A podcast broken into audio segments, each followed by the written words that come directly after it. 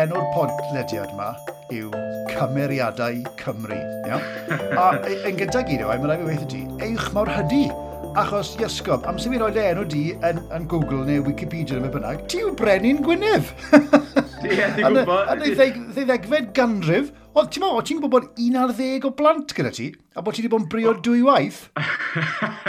Neu sy'n ni ddim bod gen i blant o'r wlad, de, ond ddim yn gwybod gen i'n ar ddeg. Iasgob, ie. Ie, un ar ddeg o blant, o ti'n brio'r gyda gyda Gladys ferch Llywarch ap Trehyn, a werin o ti'n brio'r gyda Christina ferch Gronw. Ti ddeol y gladdu yn Gadeirlan yn Mangor. A un ar ddeg o blant, meddwl, ia. a dwi'n ôl. Wel, ochiol, ie, ie. Dwi'n gwybod clywed hynny, neu gweld hynny, ar ddim yn henodd i wneud o ryw, dwy, flwyddyn ddwy yn ôl, just bod, os oedd rhywun yn reid Owain Gwynedd i fewn i Google, yn llun i oedd wedi fyny wrth gwrs wrth ochr tudalau Wikipedia ar Owain Gwynedd gwreiddiol o go iawn, so pobl yn, agos i'n enwog. Ie, ie, mae ma hwnna'n rhyfedd iawn. Ond, ti'n mwyn, um, mae yna sawl o'n Gwynedd i gael, sbo, ond uh, yn amlwg, Owain Gwynedd cyflwynydd fel y fi na bod ti, Nawr, Owen, mae rhaid i fi'n syth i mewn i rygbi sbo. Mae'n rhaid i ddechrau gyda rygbi, achos hogyn o bwrth madog wyt ti iawn. O'n i'n meddwl bod e pêl droed yn fwy, fwy o beth i ti na, na, na rygbi yn tyfu fyny'n porth madog. Wel, pan ti'n cael denu fod dwy droed chwith, gen ti'n llawer o ddewis, dwi'n meddwl. Ac yma. Ond na, ti yn iawn, pel, pel droed, hogyn port, pel droed oedd bob dim i bob pwrpas. Pob efo pel ti'n traed yn blant ac yn dallen chwarae flaen y tŷ ac ati, ond Nes i ddechrau chwarae rygbi pan eitha 8-9 oed, just oherwydd, a ddech chi pam, o gwir yswm, ddech chi ddechrau chwarae rygbi. o'n i'n neud, o'n i'n cael gwersi karate am gyfnod, a ni wedi gweld rhyw fachgan yn ysgol ar y pryd, a ni wedi dechrau karate ac oedd wedi cael yellow belt sef yma goedd o. Ac oedd o'n neud y symudiadau fel yn dosbarth, ysgol gynradd oedden ni. A dweud, waw, mwyn a wych, lle rhaid gynnig ar karate. So dechrau siw nhw, a nes i'n rili licio fo, a dyn nhw wedi o, mae'n awes i rygbi gael ar nos ferchan o, oh, okay, stwffio crati yma, dwi wedi, dwi wedi methu ar yr un o'r gradings mae rhywun yn gael i gael rhyw oh, belt yma, stwffio hyn sy'n amser o. Ac yn hogyn môr am o'n oed, a ni'n, dwi'n siŵr o'n i, dwi'n un seis wwan ac o'n i pan mae'n 13 oed. E. so, so rwy'n gallu ddechmygu hogyn môr ac oedd rygbi'n siwtio fi. So, dwi'n cofio mynd i'r sesiwn ymarfer cyntaf, a fforddwr reid y pel yn llaw i. Dwi'n meddwl, ni rioed i thwtio pel rygbi nes hyn, ac yn ei rhyw 8-9 oed. A dyna ni eisiau rhedeg trwy pob. Ac yn meddwl, esgob, dwi'n dwi eitha da yn y gem rygbi ba. O, right. Ac ffaith bod fi lot mwy na pob. oh, so, so, ti bach fel Jonah Lumu Porth Maddox, bo? Ba, ie, ba, ie, bach ar y bryd, pan mi naw, ie. So, fanna, o'n i'n cael bach o lwyddiant, a dyn na ddysg o fanna, mwyn a dim, ac ddim bod y person fwyaf talentog wrth chwarae pêl droed mynd i watcha port a chwarae bob wsos bron iawn pan o'n chwarae gatra. Ac ia, nath i strygbi chi'n dros drosodd y mywyd i chdi bach o, o, o hynny ymlaen. Ond yn gyffredinol yn, yn, yr rhan yna o Gymru, heb cyffredinol i fan hyn, pel roed yw'r yw gêm, ynddo? O, oh, cant y cant, cant y cant. Fysa pob di bod yn, yn breuddwydio chwarae Everton Lerpwl neu Man U o'n ardal i, so neu, oh, neu exam hefyd a Tranmere a pwy arall. A lot o bechgyn yr ysgol, a na fachgan o'n nhw, Ida Williams yn ysgol efo yn chwarae Tranmere yn wythnosol, boes hun hefyd, boen nhw Matthew Hughes oedd yn arbennig. Ond ie, yeah, pel droed bob dim, ac yn ei chwarae pel droed trwy'r oedranna, the 12s, 14s, mm. be fysa fo.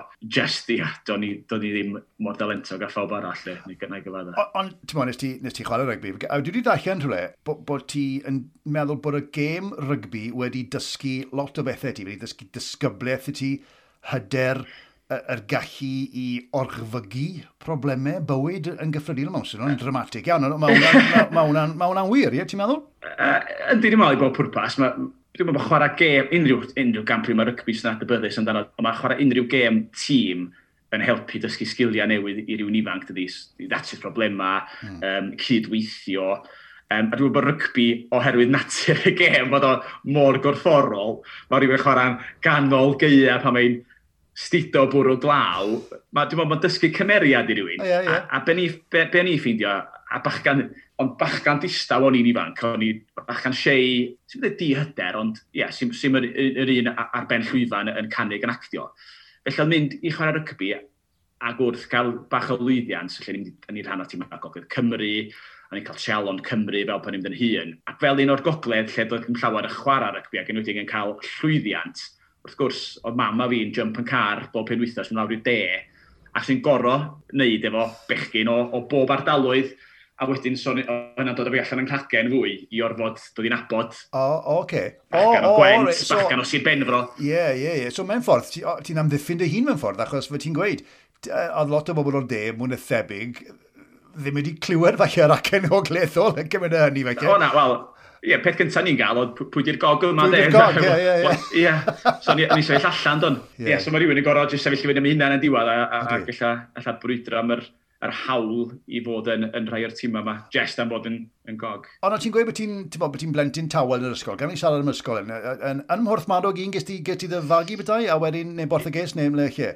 Na, na, hogyn port um, ydw i, ond o'ch ti sôn am borth y ges, ia, hogi'n port ydw i, gysi i enni, i enni sy'n abod yr ardal, wrth um, lle mae'r orsaf y brigad dan, ddim yn bell o, o fanna. O, ni'n gwybod, ie. Yeah, enw'r ddol, Meadow Drive, stad, so, stad, stad da, fel sy'n nhw dweud. Um, so, gysi i fagu fanna, um, mam dal yn byw yn yr un tŷ lle, lle ges i'n fagu.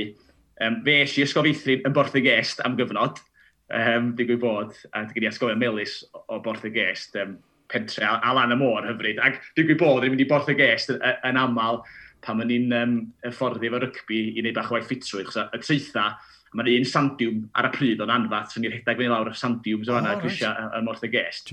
Ond ia, Hogyn Port um, i ysgol Eifion Wyn, y Morth Madog, lle fysa Tesco yn bodoli rwan, so fanna lle oedd safle'r ysgol oh, right, okay, ar y yeah, pryd. So nath um, Tesco ddymchwel ysgol Eifion Wyn gwreiddiol a, a adladu'r y Tesco newydd, mae'r Eifion Wyn presennol di mynd wrth ochr lle mae'r um, ganolfen hamdden a wedyn dros ffordd i'r ysgol i fionydd, i'r ysgol uwchradd, ac o fanna wedyn i chweched dosbarth ym Mhwllheli. So oedd y chweched dosbarth yn ysgol i fionydd dod i ben right. erbyn i fi fynd yna. O, okay. A fe ti'n gweud, hogin...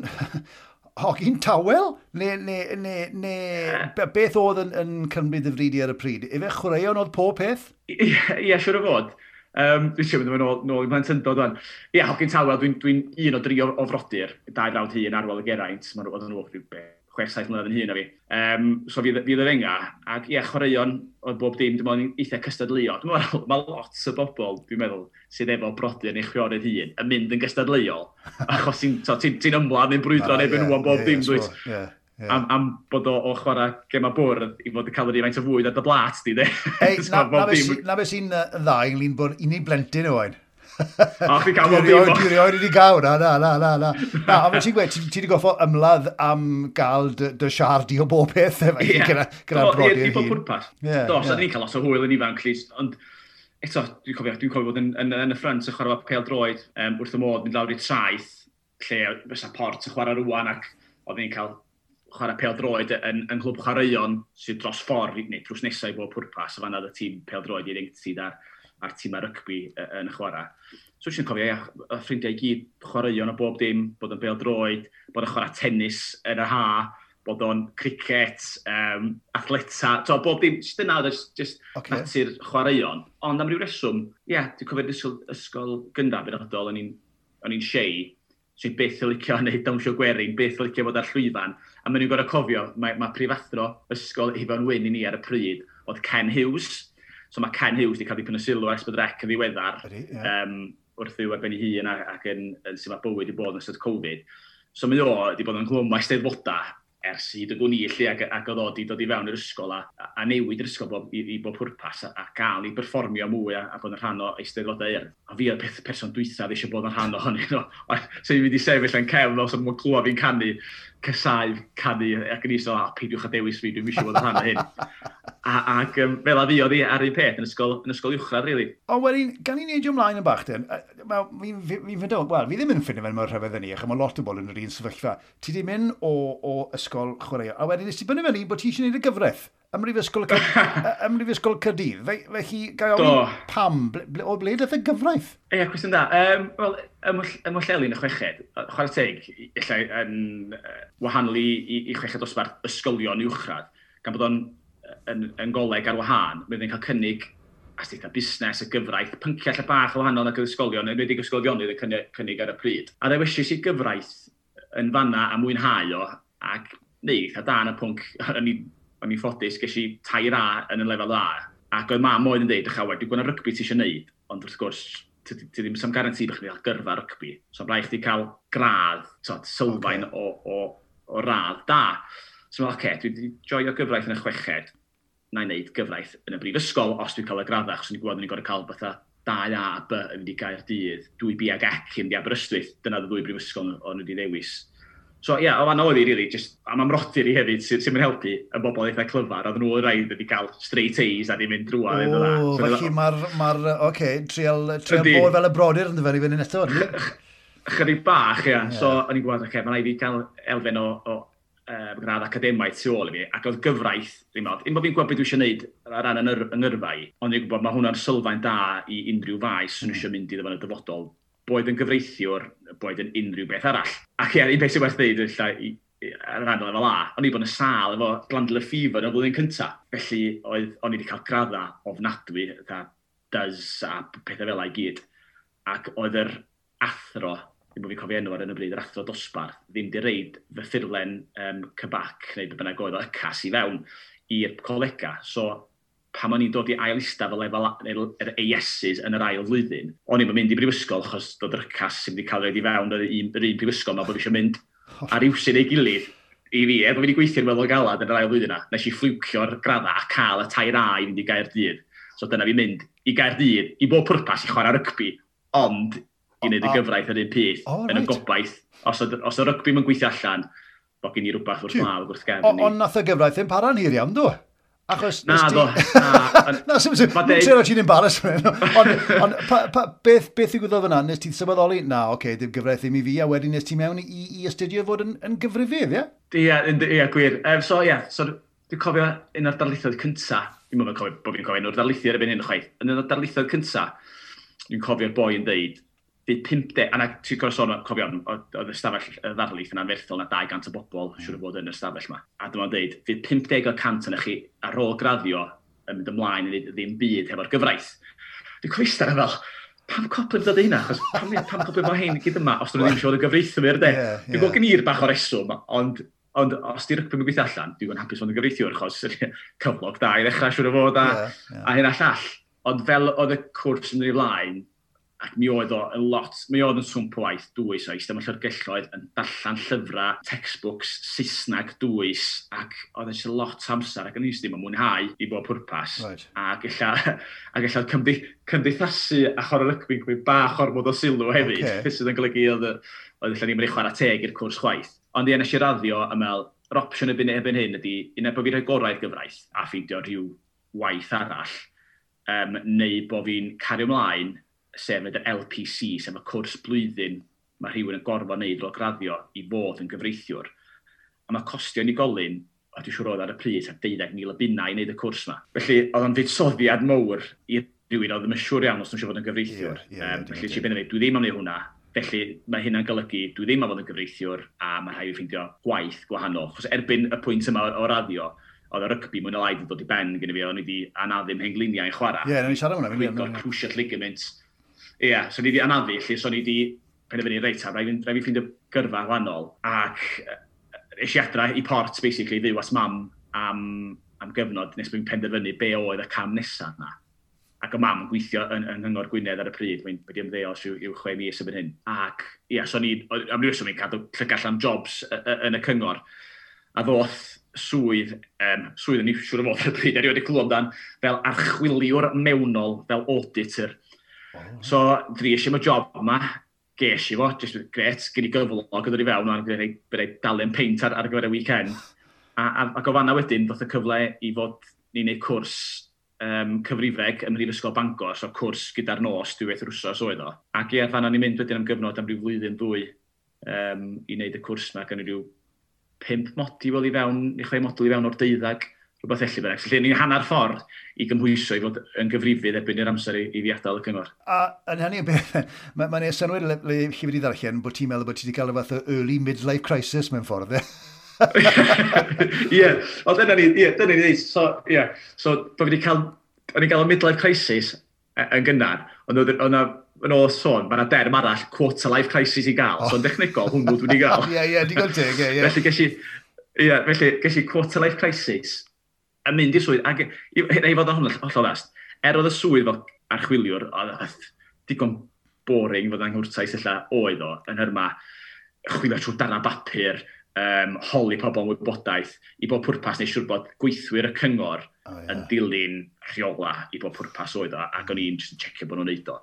So oedd e ddigon boring, ond oedd y pobl ni'n gweithio fo yn gres, yn ei cael llwyth o sports, ac yn ei tynnu coes, ac, ac dysgu si lot gyda nhw, ac, a nes i fwynhau a dim ond allan o'r elfen mwynhau yna, sio, a dwi eisiau gwneud rhywbeth, dwi'n joio. Dwi'n joio, um, yeah, Ac yeah. eich cael allan o'r swyddfa. Ac yn un y swydd am dwy flynedd, ac yn un uwch ar chwiliwr mewnol erbyn, oh, yes, erbyn i fi adol, oh, senior auditor. Yeah. ddim, ddim bod fi'n dall fe'n ei wneud ar y pryd, ond dyna, dyna oedd y teitl swyddogol. Ac ia, wedes i, o'r cwrs yn ôl i ystyried fan, do'n i'n casau perfformio'n yr ysgol, weles i ysbyseb swydd uned 5 um, yn cael ei ddalledu. Ac o'n i'n ffrindiau da ar y pryd, a dal i fod, efo Barry Griffiths, Barry Reslar, oh, yeah, right. um, sy'n byw allan yn America ben hyn. So oedd o'n mynd ar rhaglen y pimp yn gyson ar y pris, o'n i'n gwylio rhaglen um, eitha cyson, oherwydd fo a cefyd oherwydd bod bod ar raglen dda. A fel eisiau sbyseb am, am gyflwynwyr newydd, yn meddwl, oh gosh, mae ma hein yn cael mynd dramor, yn cael ei bod math o, o bethau twp, um, hwyl, ac yn meddwl, sy'n wrth y modd neu hynna, ond sgyn i'n mynd gyt i drio, neu sgyn i'n mynd gyt i ddod camera. A mwyaf, a, a, a, a, a, a, a, a, a, o, stwffio hyn, dwi'n mynd i cynnig arni hi.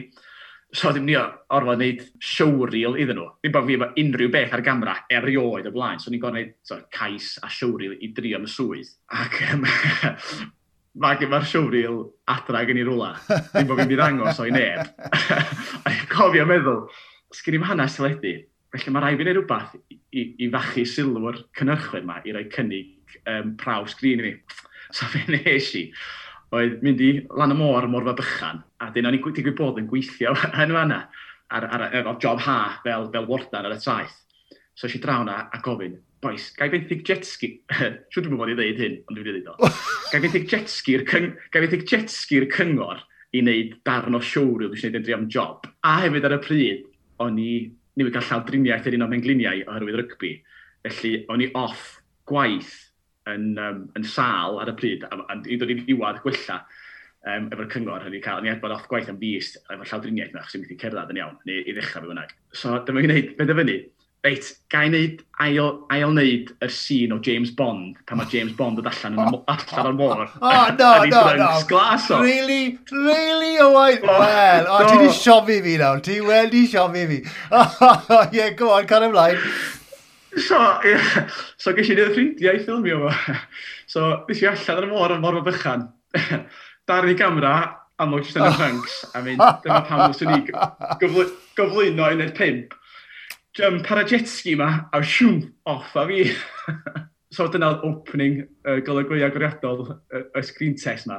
A ddisgynnu, dod off y uh, jetski, ddisgynnu i a frifo, frifo mewn glin i ddewch bach eto. O, oh, wel, ti'n bo, sort of sylfod ti'n iawn mewn ffordd. Yndi, ond chwyddo, chwyddodd yn oedd e'r gefn yma, oh, gosh, dwi ddim beth gwael eto fan hyn, allan ddau'n llawdriniaeth arall. So ni'n gorau cael fwyd amser off gwaith wedyn, a ni'n beth ymlaen i weithio am beth efnos arall.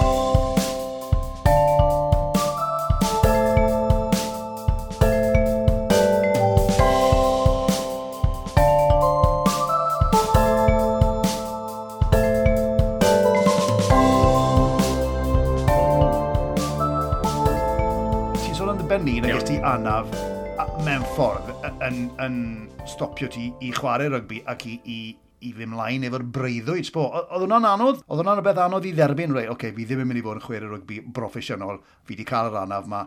Oedd hwnna'n siôn anodd yn feddyliol, ti oedd? Oedd ar y pryd, ond... Ella'n rhaid rhywg yn hyn, chos wedi'n mynd i derbyn, ond ar y pryd mi oedd, achos... A, a fan hyn dwi'n cyd ymdeimlo fel lot o bobl sydd yn, sydd yn chwarae'n broffesiynol um, a wedi gorau, gorau, gorau, gorau i, i chwarae yn ifanc neu, neu hyd yn yn ymddeol bod bywyd rhywun ac mi oedd i, i, y mywyd i bod pwrpas rygbi oedd o'r anal oedd i chwarae Gymru ac o gap i Gymru. A dim yn deud eich bod fi digon talentog wrth edrych yn ôl i fynd yr holl ffordd, yn redig wrth cymaru main tri arogiad dyddi yma. Ond yn 16 ddeunaw, o'n i'n nocio drysau cael capiau am yn oed.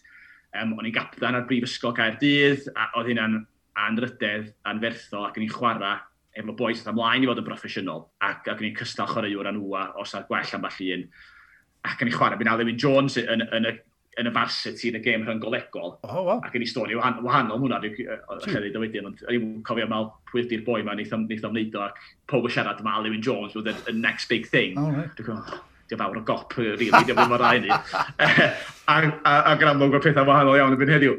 Um, ond ia, oedd o'n freuddwyd anferthol. Felly, pam ges i'r anaf cyntaf a ges i ddwy eitha difrifol i bod pwrpas. E a hyd, hyd, heddiw dwi'n dyfaru, o'n i adra dros yr haf a, o, o, o, yn ystod prifysgol a chwarae, o tîm port, tîm cyntaf port yn chwarae bydd ail dîm pwlleli ac bod ni'n gallu dychmygu, oedd ni bach o ddarbu i'r tîm lleol. Yeah, yeah. Iawn ta, na i chwarae yn y gêm yma i chi, a ges i bwlleli i chwarae i port. Ac o fewn y ddau fynd i'r gêm gyntaf na, nath ymhen glini hyper-extendio yn y galw fo sef nes i ochr gamu rhyw chydig, a nath ymhenglini bod pwrpas plygu fforong am yn ôl, de.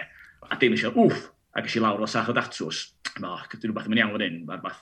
A nath o'n brifo cymaint ag, ag a hynny, ond dwi'n gwybod bod yn, yn, yn, yn wrong. A eisiau off y cae yn bach. Ac yr un ffordd wedi ddisgrifio, bod gwylod yng nghoes sy'n teimlo bod yn mynd i ddod off, bod, bod, bod, bod rhywbeth mor, mor ddrifol hyn yn digwydd, a meddwl, oh, dwi'n mynd teimlo'n iawn. A nôl ar y cae na drio rhedeg off. A nes i ddal i chwarae'r gêm heb feddwl be oedd yn bod ond derbyn gyda'r nos, oedd mae'n glini i chwyddo fel balŵn, a oedd yn anfath. Ac oherwydd bod yng nghoesau, ar y pwch sy'n o'n i'n ymarfer los, ond yng nghoesau mor fawr, mor gri. Ond i'n mynd at y GP bod o wedyn, os jyst gad o setlo sy'n byd y bod. Os y profio am nhw'n neud ar y ben glin, ond tynnu fo un ffordd a llall. Oedd y cymal yn y symud, so be fysa'n dangos bod y wendi, fysa'r cymal yn symud a, a bysa rhyw flex yn efo. So GP dweud, os yn bydd y bod, eich di gad, gad arestio heb, felly, heb cael y cyngor meddygol gorau o'r cychwyn a di chwarae mewn gêm, wrth ni byth i chwarae yna fo, um, ath blwyddyn heibio nes bod fi wedi cael gwybod bod fi higo'r Cruciate League beth yn mynd glini. Dal eisiau chwarae i brifysgol, bob hyn a hyn o'n i brifo, allan o chwech wsos, mynd yn ôl i chwarae, wedyn blwyddyn y ddiweddarach o'r gêm na, neu yn Pwllheli, frifis i'r ail Ben Glin mewn gêm a ddechrau tymor i brifysgol. So erbyn hyn, o'n i'n fel, o, mae'r un peth i ddigwydd eto i Ben Glin arall felly eisiau syth i'r hyth um, ar ffordd ni, oedden ni ar y pryd yn, yn, yn, yn chwarae gêm yn erbyn tîm dan tri ar ugian y Navy yn Portsmouth. O'n i hmm. bod ar bren wythnos yn ymarfer yn Portsmouth yn y, yn y naval base. So dod adra fanna wedyn, eto, Benglini chwyd efo bolwn o, o, con i off eto. So eisiau syth i'r hyd a dweud, drwchwch, di bod fan hyn, mae'r Benglini hyper-extendio gen i, a dwi'n meddwl bod fi'n crucial ligament i. So mae'r nyrs neu'r neu ffisio pryd hynny yn neud y profion, un profion ges i'r flwyddyn yn gyrraach, I think you've done your crucial ligament. Oce, okay, gret, a ni'n gwybod erbyn hynny, mae'n golygu llawdriniaeth eitha dwys. So, well, last year I did something similar, um, on the other knee, well, let me check. Neud y profiad o, yes, you've done your crucial ligament in that knee as well. So, oh gosh, so, eitha, dwi'n gwneud ddwy anaf ma wan, sy'n angen llawdriniaeth, sy'n cymryd chwe mis i flwyddyn yr un i wella. Oh, so felly, gysi llawdwiniaeth gyntaf yn Llandoch uh, yng Nghaerdydd, blwyddyn yn mynd heb chwarae rygbi, mwyn e lai lle, cael llawdwiniaeth arall yn, yn Gobowen, a ni'n byw, dwi'n un o Adan Port yn byw y byn, ddechrau gweithio yn y cyngor. Felly, di cael llawdwiniaeth arall yn Gobowen, chwe mis i flwyddyn arall yn mynd heibio. So mae'n lai, yna tai, tai mlynedd i mynd heb allu chwarae rygbi i'r safon ycha sy'n ni'n licio bod y gallu gwneud Ac o hynny, ni wedi sylweddoli, dwi'n gweithio wan, um, mae'r cyfla o, o weithio ar y safle, chwarae'r safon uchaf i mynd, so roes i gorau chwarae, ac mm. dyna, dyna diwedd i. A erbyn hyn, ydy fe'n hollach erbyn hyn? Ti'n ti, ti gallu rhedeg yn y fe? Ti, ti, ti, neu ti dal yn teimlo'r effaith? Dwi'n dal yn teimlo'r effaith yn dwi, achos mae'n siŵr sgil effeithio dal i drio chwarae yn y flwyddyn cyntaf yna hefo'r anaf, siwr dwi'n teimlo sgil effeithio yn yma, mae penliniau'n brifo gyda'r nos mae'n oer, maen nhw'n chwyddo weithiau, dwi'n redag a dwi'n poen wedyn. So mae dal sgil effeithio. Ond i ddod nôl i'r bwynt di allan, o'ch chi'n gofyn am yr elfen seicolegol na. Ar y pryd, fel o'n i'n nabod yn hun fel Owain y chwarae o rygbi de. So sut ti'n mynd o i'r pwynt lle mae rhywun, y chwaraewr proffesiynol, mae'n mynd John y chwarae o rygbi neu Ryan Giggs y chwarae o'r pel droed. Pan mae'r gyrfa'n dod i ben a, a ffordd ti'n nabod y hun yeah, yeah. yn dod i ben, mae rhywun ti'n bach ar goll, ac o'n i'n teimlo hynny ar y pryd, a a oce, okay, pwy ydw i'n beth dwi'n gwneud wan, lle mae mywyd i mynd. A mae rhywun yn jyst i agor o ffeindio rhyw drywydd newydd, ond un peth allan ffodus, o'n i wedi gwneud yr gradd mewn y coleg, a dwi'n sofraddol i dechrau derbyn bod bo fi ddim am dyn ôl i chwarae ar, ar y lefel uchaf neu ben i'n obeithio. Ie, yeah, na, mi'n siŵr bod y wedi bod yn anodd, ond erbyn hyn o ein i da, ti wedi ffindo dy, dy drywydd naturiol yn dweud, really, achos, gan i fynd ôl, stwnch oedd, ne, uned pimp, a wedyn nes ti a stwnch, ie, nes ti ffindo'r byd teledu, television yma, yn, yn, yn fyd anodd, oedd e'n fyd cystadleol, oedd e'n fyd rhyfedd i ti? Oedd o'n anaturiol iawn, o'n i lwcus, o'n i rili really, really lwcus i gymaru pobl allan i trio am y swyddi dros y blynyddoedd a ddim wedi cael yn byd, achos mae'n gystadleuol. Um, so dri eisiau mae job, job yn ed pimp ma, e, efo'r showreel ni wedi wneud. Oh, yeah. o mae ma ma rhaid i cael gafel yn hwnna rhywle, i. Wel, mae ma adro rhywle ar DVD, ond illa os dwi um, agas, so mae ffôn yn canu fan hyn. Um, canu fan. Felly, ia, so, um, ertho weithio, oedd yr olygfa agoriadol wedi gweithio, ac nes i gael y prawf sgrin, ac yn y prawf sgrin yn y pimp na, mi o'na siwr o fod 80 o bobl wedi cael prawf sgrin, ac o'n wedi splitio fo dros ddeuddyd. So, o'n i, dim yn cofio, yn yr ail ddiwrnod, ac o'n nhw'n rhaid mewn grŵp o dri. Ta waith, eisiau trwy'r trwy prawf sgrin, di'n neud yn dda, o'n i'n bit o'n i'n cael hapus o, ond di'n neud yn weddol. So disgwyl i'ch clywed os o'n i'n cael y swydd, a nes i ddim i chael i, ond o'n i'n wrth glwad adborth, o'n i yn un o'r bechgyn oedd, oedd yn y swim i gael y job. Ond y lwcus, nes i ddim i chael i, achos blwyddyn y ddiweddarach, neu naw mis y ddiweddarach, ddoth i'n y pimp i ben, gath yr, gath yr adlan i dorri. Felly, rhan fwyaf o'r cyflwynwyr gath y job, a roedd nhw'n job yn saith cyflwynydd ar, ar y pryd. Y thlot einna ddim gweithio fel cyflwynwyr wedyn, de, achos yn amlwg yn cael gweld a dyn nhw'n wyrebau newydd. Ac ar y un cyfnod, dri eisiau am job yn y pimp, oedd swydd rhaglan mosquito, dim gwestiwn cofio rhaglan oh, mosquito, oedd oedd rhaglan rhaglen i bant o phobl ifanc oedd yn yr wythnos. Oedd Ifan Jones Evans a Tristan Ellis Morris yn cyflwyno fel ddau fachgan ac oedd oh, Cael blaen cyfeirio Iwan. Um, dangos i ni fyny. Oedd hi ar er Gotham. O, e, fi'n gwybod, ie. Elin Richards. Elin Richards, ie. Erin Richards. So, Erin Richards oedd y ferch yn nid y tîm o dri o gyflwynwyr. So, oedd hi'n gadael. Ac oedd hyn yr un pryd o'n deud o'n un pimp. Felly, benderfynu si, o driau mae swydd, mae'n cael o achos dwi'n gwybod bydd, um, bydd nhw eisiau merch i gymryd lle Erin Ond roi, roi gynnig arni i gael profiad. Dwi'n meddwl gysgu'r prawf sgrin yma rhyw wsos ddau cyn i'n y pimp.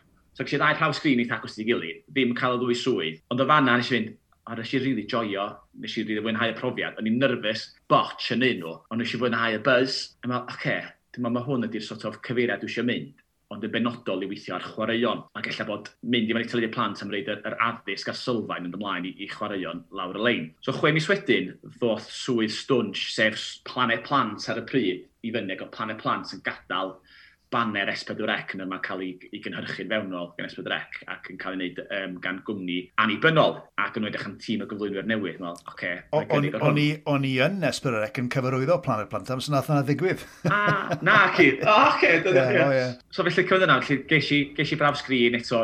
Dwi'n siŵr awn slos i'r un, yr un DVD showreel iddyn nhw, ond eich bod wedi.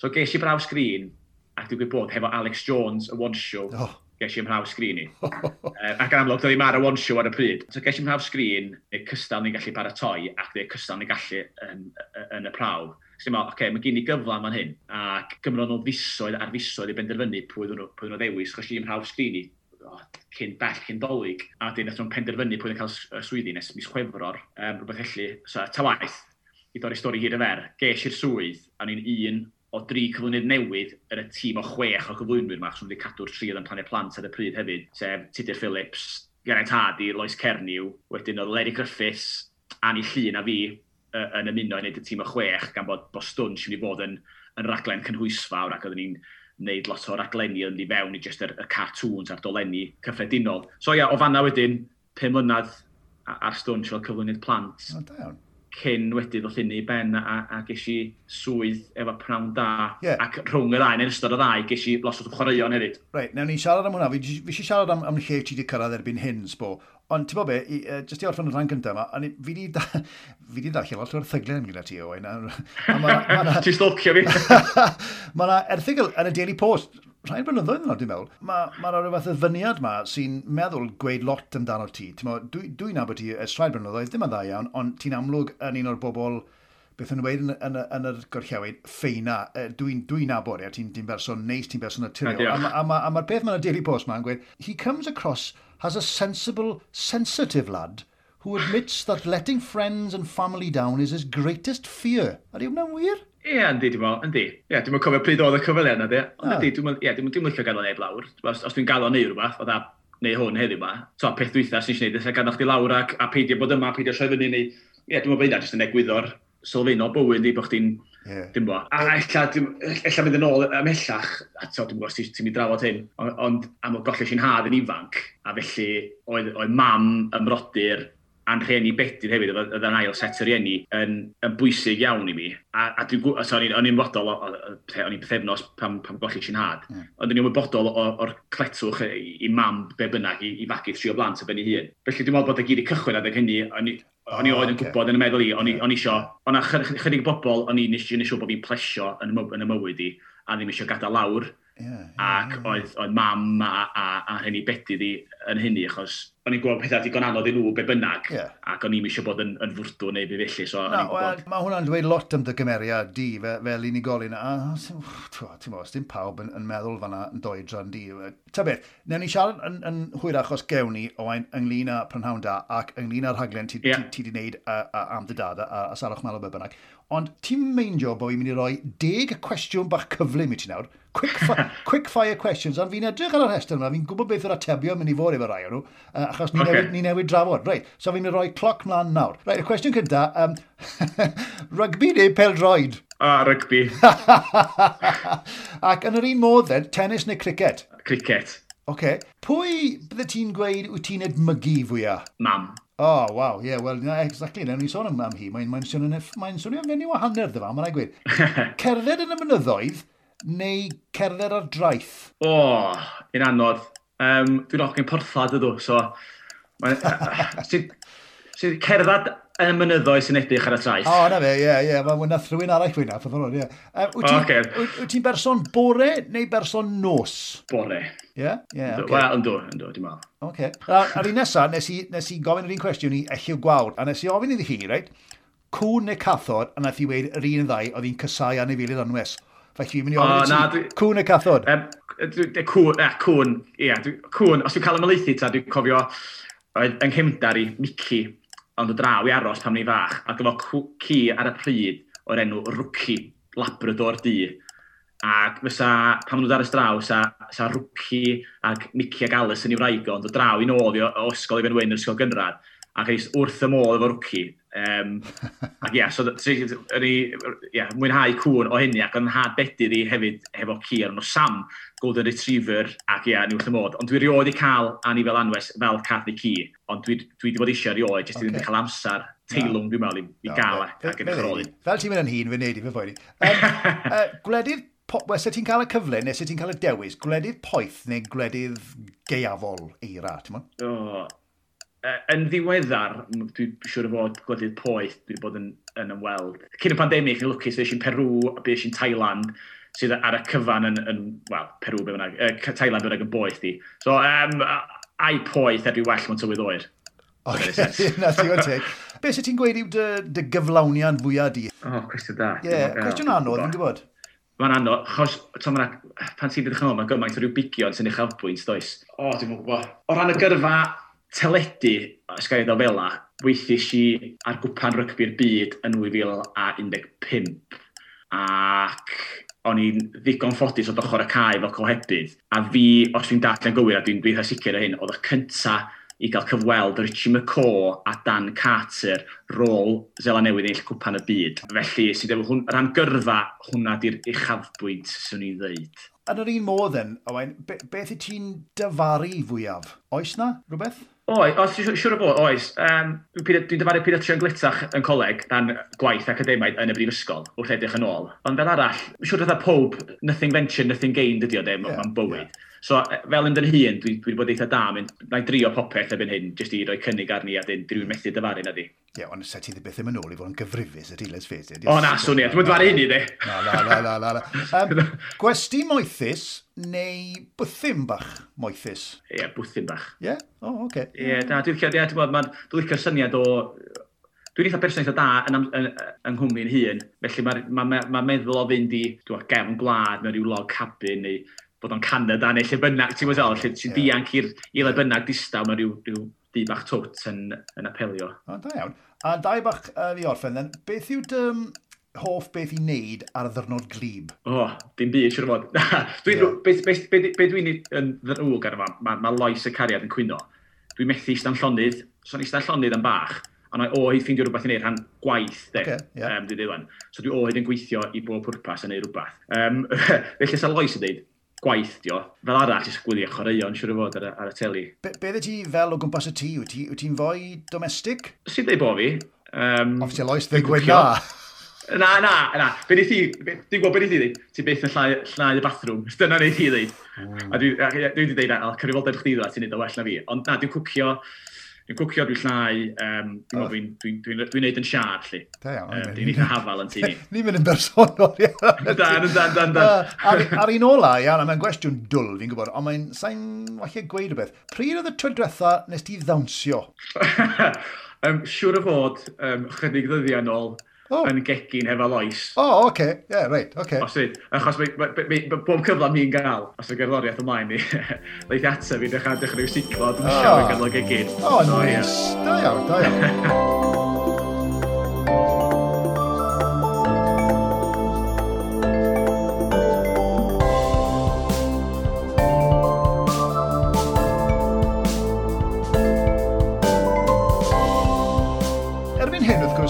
ti fel, wel, ymysg bethau eraill yn amlwg, um, ti'n neud lot o bethau amrywiol, ti'n neud chwaraeon o hyd, ti'n neud bethau corfforaethol yn amlwg. Uh, ond erbyn hyn, mwyn na thebyg, mae dy wyneb di edrych lais ti'n amlwg yn anabyddus iawn fel un o gyflwynwyr pnawn da.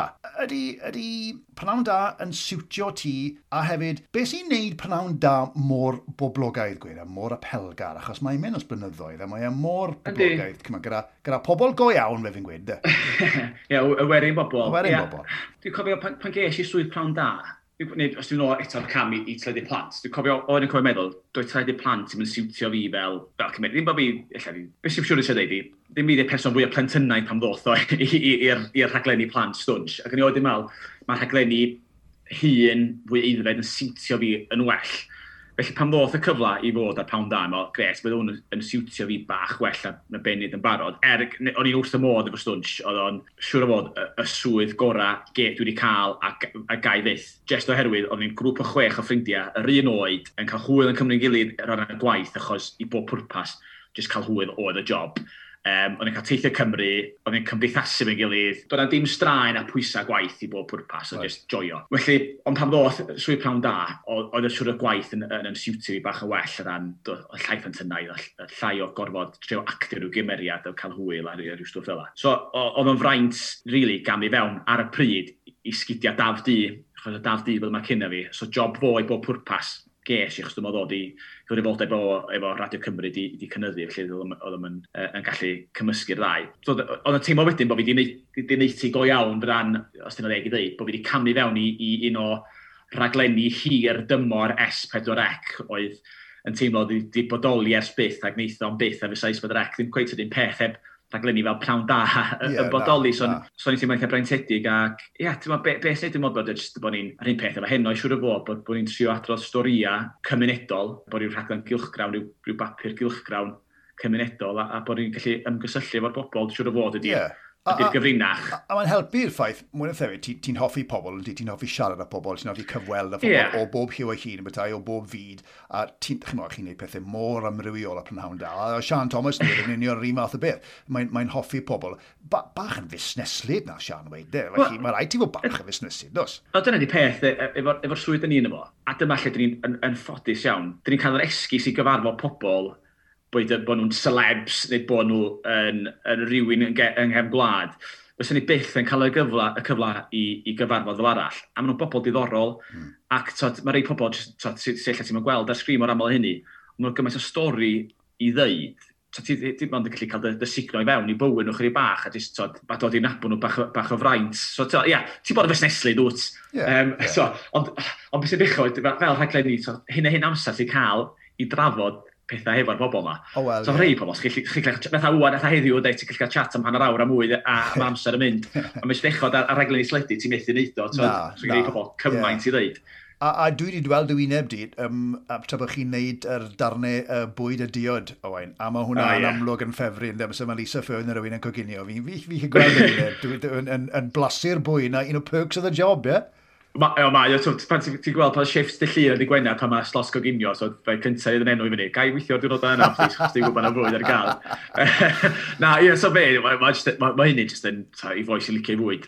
So ti'n mynd yn bell rong fan agos, a pan ti'n cael bach yn gadra efo chdi gyda nos ydyn hefyd. E. Os gawn ni then, yn gyflym iawn, um, ti'n meino bod ni'n siarad ynglyn, ti di siarad yn gyhoeddus, er, ti, ti, bod, ti di wneud rhaglen am farwolaeth dy dad, a ti di sôn am barod, sawl gwaith yn barod.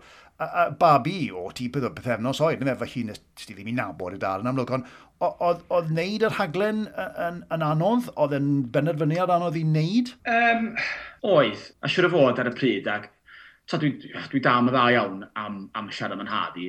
Dwi'n meddwl mwy na dim achos dwi ddim di, just, just ddim di wneud a dal ddim i wneud. Ac ia, mi oedd yn benderfynu anodd, dwi'n meddwl ar y pryd, a dwi'n meddwl pryd nes i raglen yn hyn, dwi'n meddwl ar y pryd oedd o fwy fel cic yn ymhenol yn hun i ddechrau trafod y peth. Achos, ti'n gwybod dychmygu, mae'n tyndod i. O'n i ifanc iawn, yn y mywyd i, oedd mam ymrodir i, a fo'n i sôn, yn heili beth i. Ac dyna oedd fy myd bach i, ac okay, o'n i'n ymwybodol o'r cychwyn bod dad i marw a, a, a rhyw fath o sut oedd y digwydd, a bod o'n, bod on sal, lle. Ond pan ti'n ifanc, so, ti'n ti, ti derbyn o dyna, dyna fel ma pethau, a mm. felly fel teulu, dwi'n gwybod sy'n fwriadol, ond doedd i ddim yn trafod y peth just o bywyd yn mynd yn ei flaen. Mm -hmm. Ac i mam, amlwg i'n magu tri o blant, ac, ac bywyd yn gorfod yn ei flaen, doedd, oedd hi'n gorfod, sure, yeah. tod, oedd hi'n gorfod gwylio ar ôl ni, ac trwy'r un o'r rhesymau pam dwi'n ei edmygu hi gymaint, um, nid yn unig bod sydd wedi magu ni, ac bod y tri ni wedi bod sy'n licio meddwl ar y cyfan y weddol llwyddiannus, mae arwal yn hynna, yn hynna fysa wedi bod efo allan o sy'n atgofion ond tad fwy na, fwy na neb. Mi oedd yn mynd ymlaen i fod yn computer program yr eitha llwyddiannus yng Ngogledd Lloegr, mae Geraint y canol yn financial advisor yn y Zurich i'r gwmni mawr, oh, oh, yeah, okay. um, a dyn, dwi'n cael bwydro ar y teledu. so, ie, yeah, so mae'r tri dyn ymlaen i ddod ond ath mam, so, colli dad, um, tri o blant, ath i nôl i brifysgol, i nôl i coleg, ath i coleg arlach pan o'n i'n blant. So pan ni'n ein gwely, sy'n hi'n aros i fyny tan oriau man y bora neu trithoda, ath i brifysgol Bangor, so nath i ail addysgu hun hmm. er mwyn mynd nôl i weithio, achos ar y pryd oedd i wedi bod yn gweithio wel, cyn i cael plant i gweithio mewn banc yn port yn yr hen Midland, i Moli. So, oedd i wedi gadael ysgol yn gynnar. Yn ddynas glyfar iawn, ond herwydd wedi setlo lawr yn ifanc, mac i teulu, oedd addysg, so oedd wedi cael i reid un ochr. So, oedd i ail addysgu er mwyn cael swydd gwell, er mwyn gallu cael am o cyflog a bwyd bwyd a bwyd ag ati. So, siwr o fod, mae'r ma, elfen o fi weld, yn gweld gwaith cala, i dechrau pryd hynny. So, i amdano i'r pwynt o, o, o trafod peth, dath bywyd jyst yn ei flaen ac bydd yn trafod y peth yn iawn yn agored lle just oherwydd o dad, o'n i'n amlwg fel ti wedi crybwyll, dwi'n yn cofio'n had, dod erioed yn rhan o mywyd i, so do'n i'n methu'r person, dwi ddeun o blaen, dwi, dwi erioed i methu'r personoliaeth yn had i, mm. chos dwi erioed i'n abod o. Mm.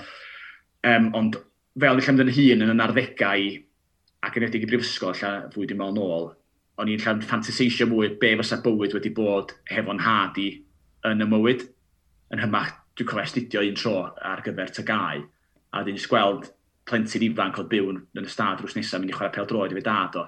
Dyn ti'n dechrau symyfyriad o, o be fysa hynna wedi bod efo fi efo'n had y math o beth. So, oedd y croesi melu fwy o fwy, fel ni'n dyn hun, um, yn brif ysgol hefyd yr un peth. A, a wedi'i yn, yn lle pan ni'n i chweched dosbarth ac i brif ysgol yn benodol, oedd sort o pawb yn gwybod yng Nghemdir i mewn pum o cymuned eitha glos. Ac o'n i'n siarad o'n ffrindiau chwaith. So pan ni'n brifysgol, eich a pobl eich a holi, o be mae'n rieni di wneud, a hyn allan, ar y cybir un byd un arall, pobl, o'n i, ti'n cofio'r dyddi lle chdi'n camdi ffwrdd efo'r urdd a steddfod ac aros yn tai, yeah, yeah. tai pobl. Oh, yeah. Ni'n cofio wneud, ni'n cofio wneud unwaith, ni'n chwarae rygbi, ni'n chwarae gogledd Cymru dan un ar bymthag y deunaw, um, 15 llun ifanc, ac da foen o Cai Griffiths, chwarae'r gweilch. Ni'n cofio ni aros yn yr un un tŷ efo'r teulu yma, ac yn cael brecwas yn bora ac yn mynd i chwarae'r gêm. A dyma'r teulu sy'n neud sgwrs, dwi'n mynd, o, be mae'n dy rieni di wneud? A dwi'n cofio, eisiau dweud clwyd, dwi'n dweud clwyd a pyr, ond achos o'n i'n misio neud pethau'n lletwyth iddyn nhw, mwy nag i fi, ond ysio do, mae dad yn mecanic yn mynd hyn a llall, jyst dweud clwydda achos oedd yn haws i bawb, achos o'n i beth yn mynd i weld nhw eto, right. bob i ddim yn trafod y peth. Okay. Um, so ia, fel yn hun, a jyst dechrau meddwl fwy a fwy, ac dwi beth i trafod yn had, A dyn oedd y rhaglen, oedd y cyfle i fyny, uh, ac ychydig bach fi instigatio y peth mewn ffordd, a mae, oce, okay, nhw'n rhywbeth amdano fo, ac eich neith, neith, neith helpu fi neu hir dymor i drafod peth fwy agored which sydd ddim really wedi digwydd, os dwi'n onest. O, reit. Na'r na, na cwestiwn na, na cwestiwn nesaf. Oedd e'n broses cathartig neud, o fe ti'n gweud, falle, yn y pen draw, ti dal heb um, ymgyrtrefu ar peth, beth ti dal heb derbyn ar peth? E, os yw'n ei derbyn y peth, fath mam a fi neu weithio adra. Ond beth wedi sylwi hefyd, beth sy'n anodd, achos bod gen, i berthynas mor glos yn rhenni beth iddi, um, oedd nhw'n byw dros ffordd, Ifo ar y Pritchard, ac oedd nhw fel a'i set, oedd siwr e wwan nhw'n dall, oedd, oedd Ifo'r e, fel ffigwr tad i mi. Oedd, oedd nhw'n cael bo, gwybod bob dim cyn mam weithiau, bod o, pan oedd y llythyr gan, gan tîm rygbi Cymru yn dweud bod fi wedi mynd trwad i'r rôl nesaf trai os neu yn y sgwad. So ni'n rhedeg dros ffordd i ddeitha nhw, dwi'n cael fi'n y tîm. So nhw'n cael gwybod cymaint. So dwi wedi dod i dderbyn fod yn hun hefyd fyswn ni ddim wedi cael y perthynas efo nhw sy'n had i'n ddiw. Mae ma dwi'n gwybod, neu dwi'n sylweddoli, fysa mywyd i'n tra wahanol os yn had i ddiw, a, a mae gwraeth i fod wahanol, sa'n bod i wahanol. A hefyd, swn i ddim methu allan ar y berthynas glos yma efo pwy oedd yn ffrindiau gorau, yn ffodus mae'r ddau wedi gadael neu erbyn hyn. Felly dwi wedi dweud i dderbyn mewn ffordd, dwi'n hapus efo pwy ydw i o beth sy'n digwydd, achos efallai lot o profiadau dwi wedi gael a dwi'n gwerthfawrogi ddim wedi digwydd os yn had i yma ond eto, ar llawall, sy'n neis o fod i bod yma. Yeah, yeah. Ond ie, ond ie, di llawr an trafod o, achos dwi ddim wedi bod yn, dwi wedi bod yn yma wedi, dydy'r ysfa i wneud i mynd bob tro chwaith, de. So, mae mam a fi, wedi dal gofyn am ball beth, um, a dwi'n well, dwi cofio pam nes i drafod y rhaglen, y peth anodd a nes i, pam wedi penderfynu ymhen yn hun, bod fi am wneud hyn yn amlwg, o'n eisiau siarad efo mam am rodir i, i ofyn caniatad i bod pwrpas, ydych chi'n siarad, hapus bod fi'n siarad yn agorad amdan beth sy'n digwydd. Lli. A dwi'n cofio eistedd lawr efo mam uh, yn ystafell fyw a, a bych a crio ar, ar ei diwedd o rili yn, yn deud, dychwch, a jyst beth, so holi, beth, jyst i atgoffa fi, beth unio wedi digwydd. Ac oedd yn anodd, ac efallai bod fi'n amddiffyn yn hun rhywfaint wrth beidio drafod o. Ond ia, yeah, dim yn gwybod, mae jyst dim yn gwybod sy'n bwnc, achos dwi byth yn drafod o, jyst sy'n dal ddim yn rhwydd mewn ffordd. Mm. Na, na, mi'n siŵr na. Ti'n meddwl beth, allai dy sicrhau ni fydde dy dad mor proud o ti o beth ti wedi gyflawni. Ie, yeah, diolch. Dyn hyn bydde, bydde, bydde, really, really yn. Gan i siarad yn gyfnum iawn ddim am Wel, o'n i'n mynd i wedi, dyfodol yn ei ysgol, ni'n gwybod beth yw'r be yw dyfodol yn ei os na, os na, na, beth yw'r cynlluniau hynny, yw, beth ti'n hoffi wneud yn bydde, ti'n cyflwyno, bydde ti'n just caronau'n hoffi cyflwyno, mae chwaraeon yn amlwg yn mynd i fod rhan o dy fyd i uh, am sbo. A beth am, beth am diddordebau eraill o ran cynhyrchu o, eh, neu, neu, neu cyfarwyddo, neu ti'n gweld un yn neud beth eraill? Ie, yeah, ti'n mwyn bod anodd ydy, dwi'n cofio rhywun yn dweud o'r cychwyn cyntaf pan eisiau fewn i, i, i gyflwyno, ac dweud, o beth ti'n eisiau nesaf? Beth sy'n sôn fan? Newid eich cyflwyno, dwi beth sy'n sôn nesaf, hwn, hwn, dwi'n mynd i ddeud am beth e. Na, mae'n anodd i, fel ti'n dweud ar hyn o bryd, mae'n sy'n teimlo bywyd ar y munud. A, a dwi'n ffodus iawn o'r swydd yma, dwi wedi gallu cario ymlaen gweithio ers y clo cynta. So mae wedi galluogi mewn sefyllfa saff i fynd allan i ffilmio, i dod i'n waith, i allu gadael tu a, well, yeah, a peidio bod yeah, yeah, a peidio bod istan tu yn stiwio. Ti'n key, worker o wain? Wel, ar y llw, sa'ch chi'n gofyn pob yn y swyddfa fan hyn, er bod ni'n dechnegol yn cael ein, yn sgwini lawr ar darn o bapur fel key worker, mae'r mae'r ma dywediad allan codi grychu chydig bach, os, come on, yeah, yeah, yeah. tyledu ydyn ni. O, yeah, yeah ta, mae yna pobl lot pwysicach a ni. Ond ta waith, dyn ni wedi cael mynd allan sydd wedi bod yn fendith rili iechyd meddwl, ni fel gweithwyr ag unigolion sydd bod yn lwcus. Ond y dyfodol, ia, dim yn gwybod, mae jyst yn gwaith y gwely yn y bryd um, yn fan hyn. Ia, yes, ni'n licio alla cynhyrchu mwy, so, mae rhywun yn, yn trio meddwl am syniadau ar rhaglenni, uh, uwchlaw na'r na eitema di'n neud ar, ar prawn da heno. Ond ia, dwi'n gwybod, dwi wedi teimlo bod wedi trio bob dim i gyrraedd y pwynt ydw i. Um, ac illa, dwi'n gwybod os dwi'n darllen, mae gen i drwydau peilot personol, a cyn i mi, mi fod yn, neu yn ystod y cyfnod o'n i'n bod yn hyfforddi fod yn, yn gyfrifydd, mi oedd peilot yn syniad o'n eisiau gwneud, o'n eisiau bod yn peilot um, transatlantic, fel hwnna'n swnio'n cool, gael deithio'r byd ag yeah. hedan awyrenna, a mae hwnnw ddisgyn yn ochr um, am un reswm neu gili. So, ia, dim yn gwybod, ar hyn o bryd, dal i fod yn y maes y cyfryngau, y teledu, um, ia, siwr fod, dal i gyflwyno cynhyrchu bach fwy, gweithio prosiectau fel la, ac eich trio ffeindio rhyw, rhyw gwmnïau bach eraill i, i sefydlu'n hun. Dwi'n gwybod, rhywun... Dwi'n unig, fel ni sôn, neu person gweithgar, a dwi'n ddrwg am fod yn weithgar ac, ac trio ffeindio rhyw prosiect. Ond mae'n neis fod yn berchen ar, dwi'n dweud cwmni, ond ar rhywbeth dy hun, fatha'r podlediad mae gen ti, a beth ti'n reid i fewn i'r podlediad, mwy na lai, beth sy'n cael allan ohono fo, dydy. So, y fwyaf ti'n ymroi, oh, y fwyaf ti'n cael allan o'r ffordd. Yeah. Ond, ti'n be, so, fe, fe ddeith hwnna gyda, gyda amser, ti'n fel, fel, fel ti'n mynd, mae ma dy bendi yn sicr ar ddysgwydd wedi coel ydi fi. Ti'n gwybod, ti'n ti, ti byw yng Nghaerdydd, ond i orffen, Owain, ti'n meddwl, byddwn ni'n tybio ar ddiwedd y dydd, hogyn o bort, dwi ti, e, hogyn o bort, fyddi yeah. di oed, really. Ie, yeah, ie. Er, ia, mae'r ma sgwrs yn fyny, mae ma Lois uh, uh, cariad ac i, i hyn eich sy'n nabod fi, yn gwybod, Lois Mary Jones sy'n actio tesni ar pobl o'n cwm ydy hi. So, mae'r ddau ni o'r gogledd, um, mae, mae hi, digwyd pob, mae, mae hanner ei theulu hi ddod o port ac ddim ham i'n rhan ysgol y mam. Um, digwyd di cyd digwyddiad. So mae'r ddau ni o'r un sos o ardal, er bod caeth Cathy wedi cael ei, ei magu e yng Nghanarfon a Sir Fôn. So mae'r ddau ni'n trafod, o, oh, bysau neis mynd adra bysa um, at y teulu um, rhywbryd jyst yn affodus bod gwaith yn, i ddau ni'n golygu bod Caerdydd a'r de yeah. yn, ydy'r lle gorau ni ar, ar hyn o bryd. A fe ni a ddeud oedd, pan ni'n siarad Saesneg yn benodol, pan mae adra, ei ffrindio ddeud, o fain ti i swndio'n hwntw an, ti wedi colli dacen yn llwyr. O, really? o, pan i lawr ar hyn, di, gosh, you sound like a gog.